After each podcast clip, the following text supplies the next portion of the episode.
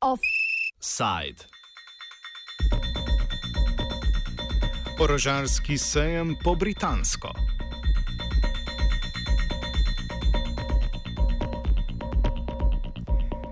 Države in ljudstva imajo neodtujljivo pravico do skrbi za svojo obrambo. So bile besede, s katerimi je Liam Fox, britanski sekretar za zunanje poslovanje, v začetku preteklega tedna upravičil izvedbo letošnjega orožarskega sejma DCEI oziroma Defense and Security Equipment International v Londonu.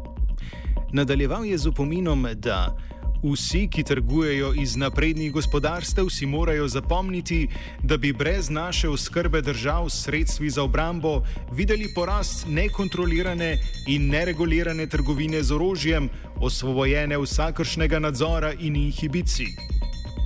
Dopustiti to bi bilo po njegovem skrajno neodgovorno in prav zato naj bi imela Velika Britanija vzpostavljen zelo robusten sistem licenziranja orožarskih poslov. Kot primere pozitivne prakse je navedel nedavno sklenjene posle med britansko orožarsko industrijo in Združenimi arabskimi emirati, Indijo in nekaterimi vzhodnoevropskimi državami.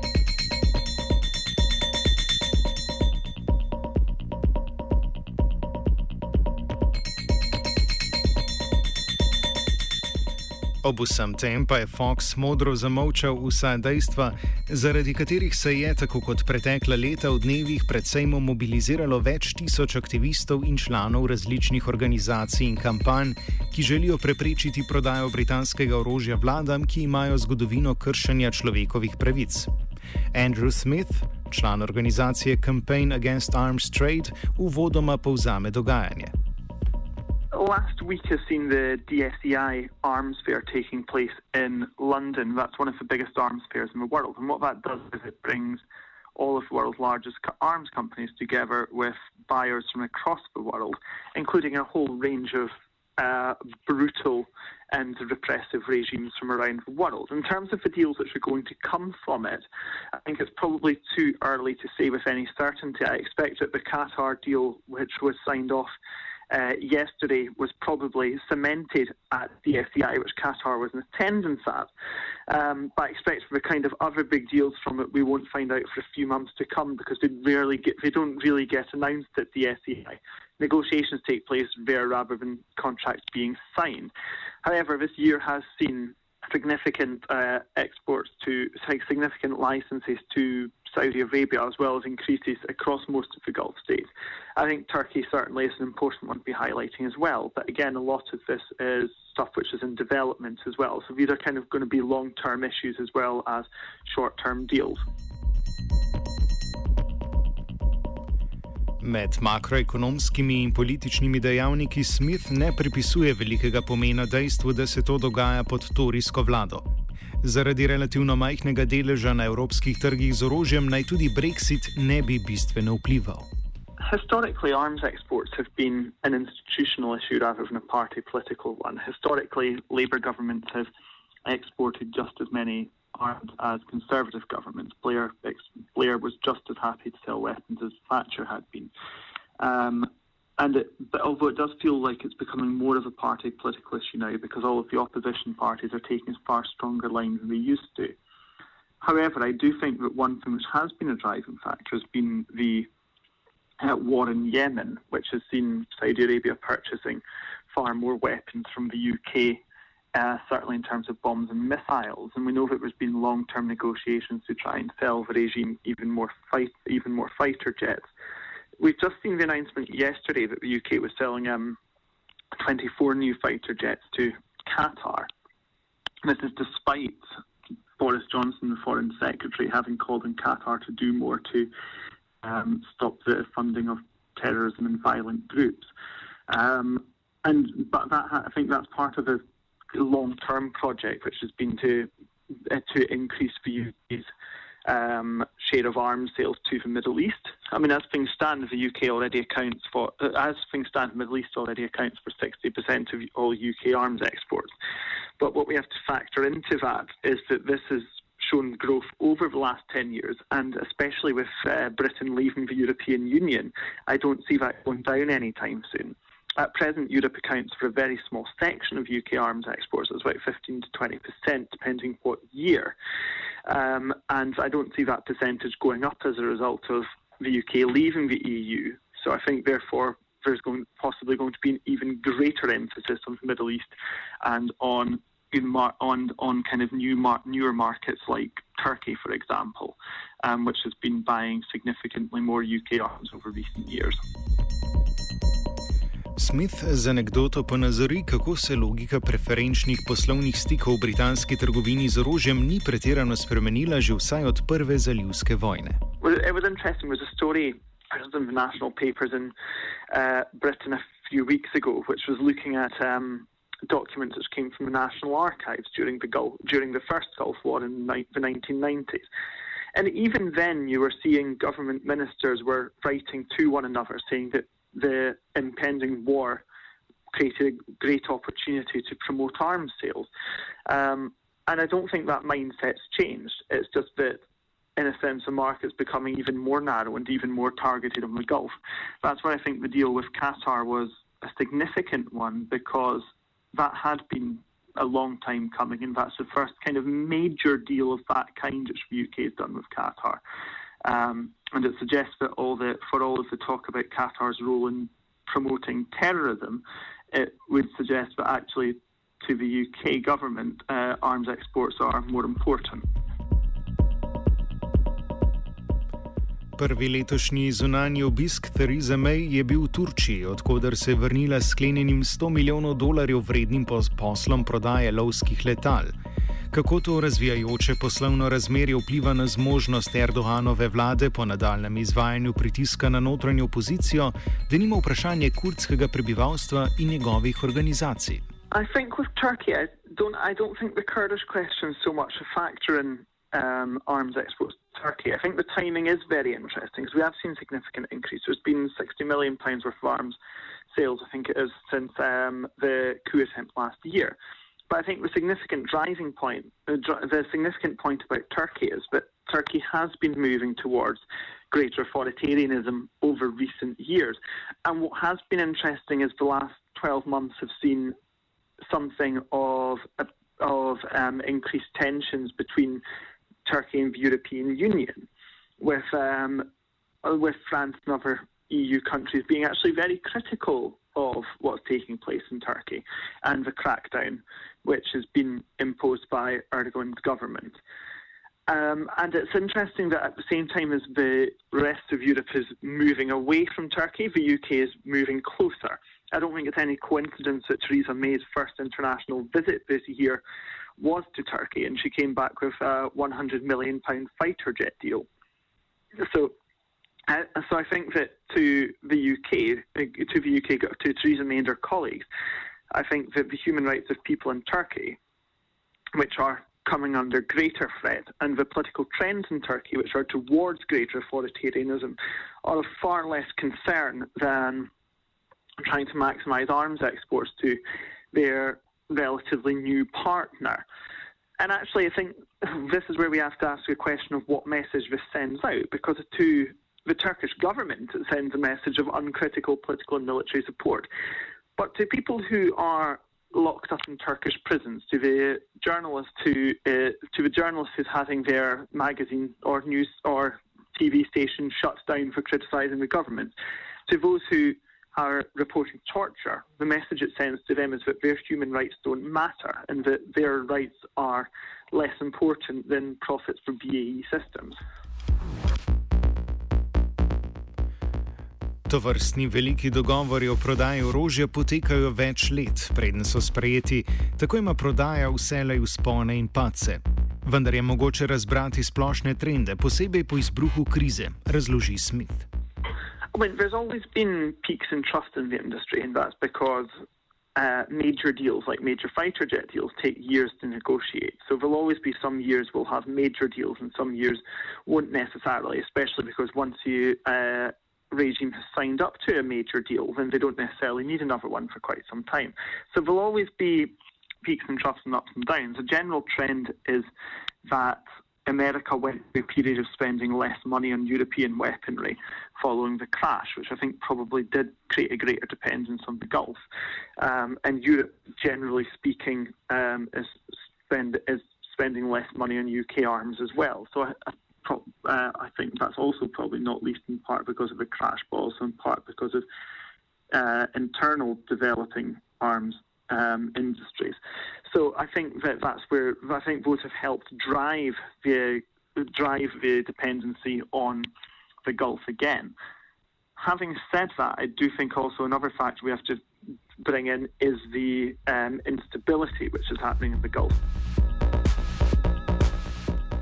Christopher Blumel iz organizacije Trident Plowshares, eden izmed zaprtih zaradi protestne dejavnosti v dnevih pred sejmom, opiše tehnike, s katerimi so protestniki poskušali preprečiti sejem in odziv policije.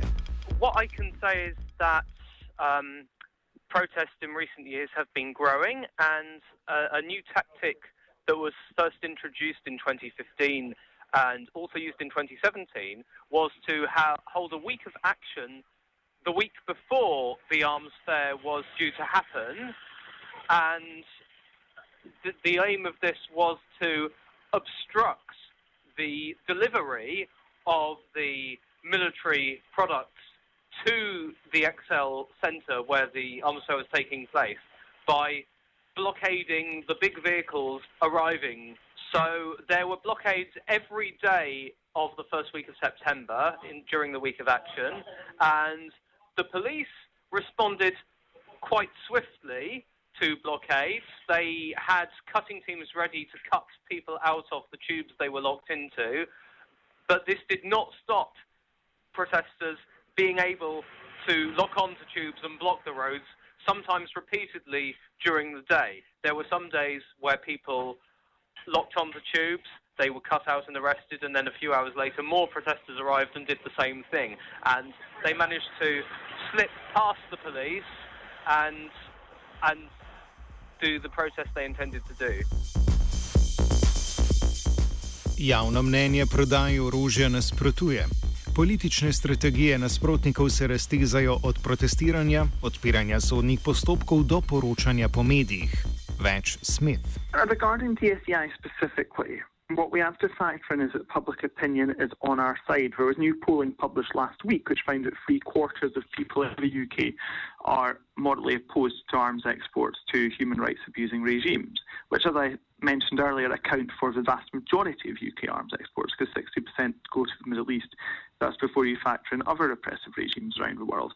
Um, so we know what public opinion is on the side. We have to mobilise that public opinion. Part of this is done through protests like what took place against the DSEI, where thousands of people took action over the course of uh, fortnight of protests outside the arms fair to stop the weaponry from getting in. Part of it is about trying to raise the issue in Parliament and working with parliamentarians to keep them updated about what's happening. And part of it is about producing first class research and getting it in the media so that it becomes a bigger and bigger issue. Um, so I think we need to be fighting it on all fronts.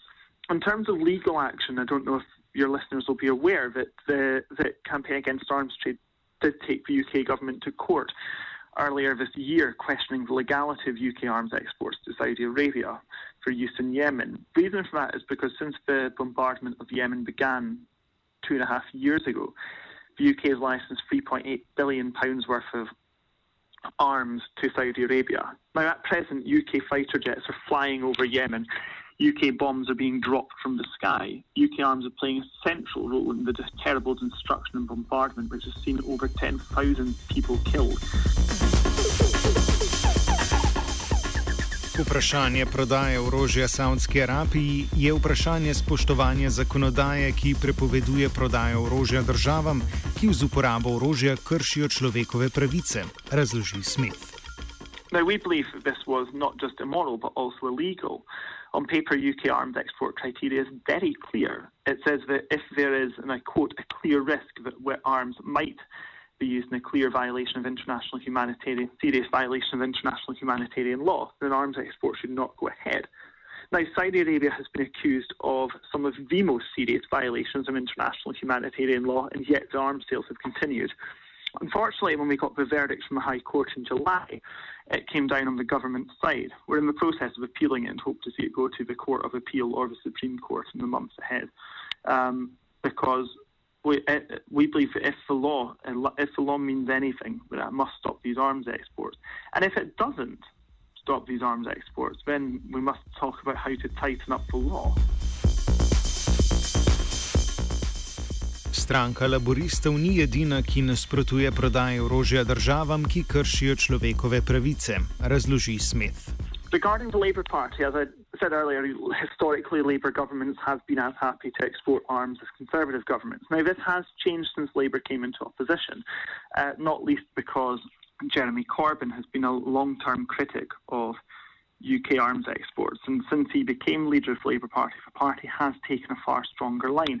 And actually, it's not just Labour Party. One thing which has been very significant in the last Parliament is that the Liberal Democrats have taken a far stronger line than they have historically. So has the Scottish National Party, so have the Green Party and the Welsh Nationalists as well. So actually, I think every major opposition party with MPs in Parliament ran manifestos saying that they would specifically end arms exports to Saudi Arabia and take a look at arms exports to human rights abusing regimes more generally. So it does feel like there's been some movement, and I do think that that is is being led by the Labour Party, but it's not limited to the Labour Party. Z razlago stališč sindikatov do prodaje orožja današnji offside zaključi Smith. The unions, that's always been difficult because the unions obviously represent the interests of their workers. And for the GMB and Unite unions specifically, which are two major unions, that will include arms industry workers. Now, in terms of that debate, the argument we need to be having is looking at uh, def- at um, creating a defence diversification industry, so that while what because what we want to see is arms exports reduced, obviously, but um, but we are talking about highly skilled, competent working people, and we want to see their skills being put to good use. Now, as things stand, the arms trade is not arms exports are not a major employer in the UK. They account for roughly 0.2% of jobs. It's a very small sector, but it's one which has a huge amount of political support from within the corridors of power. We want to see that support being put into green, sustainable industries, which have a shortage of engineering skills right now, and they're crying out for new skilled people. We want to see the good, the sort of good skills and the work of arms industry personnel being put into these industries, industries which can create a greener, better world, rather than an industry which needs de- which thrives on death and destruction and needs conflicts in order to turn a profit. Obviously, this is a marathon, not a sprint, and it's not going to happen tomorrow. But it's something we need to be moving towards. The immediate priority has to be getting arms away from human rights abusing regimes like Saudi Arabia and keeping them out of war zones like Yemen. Offside je pripravil Vitežnik. Izdajalec, izdajalec je izdajalec, policaj, pa še več policajev, policaj, policaj, policaj, policijo. Unga je bilo strah, ker ste umater, per policaj, kalašnikov, policaj, inšpektor, inšpektor, držte ga! Policajev. Na levi roki sem imel šest lisic, na desni pa nobene. Sem rekel, fanti, ko se pa greš, policaj z napetim škorpionom. No, no, fino, kdo je pa zdaj tlele na kjeri strani? Pištola, Walter, PPK 765, krasen košček, pištolo, plik, plik, plik, bum, pa je počel, ne? Tlega imate pa ga vlupte. Policiji Kalašnikova, policaje policijskega špicla, špicl tank, specialna enota. Policijskim špiclom tanka, Kalašnikova, tank, mitraljezi, tank, tankovska, tank, špiclom, tank, mitraljezem, izdajalca, Rafal, rk, tank, tank. Tank s mitraljezom, tanki, tank, tanki, sonar mitraljezom, tank, ti si tako, kot šel s cad gor, ne, tank, tank, oficerček, kapetan, rakete, ni rakete, rakete, tank, ne, raketo, raket, je rekel zaradi balistične krivulje, sabotiral raketno, kamen vrgel na tank, policaji, to so naši modreci, ki se na orožje spoznajo, k zajc na bobnene, policiji, tank, policaji, tank, hrošči, ja, škorpiona, škorpiona, škorpiona, tanka, policaji, tank, oficer, oficer, tank, špiclu, policaj, tank, policaj, specialne note je Linčič. Imamo vse mušesa popolune. Policajem, policaj, James Bond sem bil pravzaprav, ne. Belgolf, oh, oh, oh, oh, bele miši, Belgolf, pa take zadeve. Politiki se v glavnem ne nategujejo, mnogi politiki pa lažejo. To.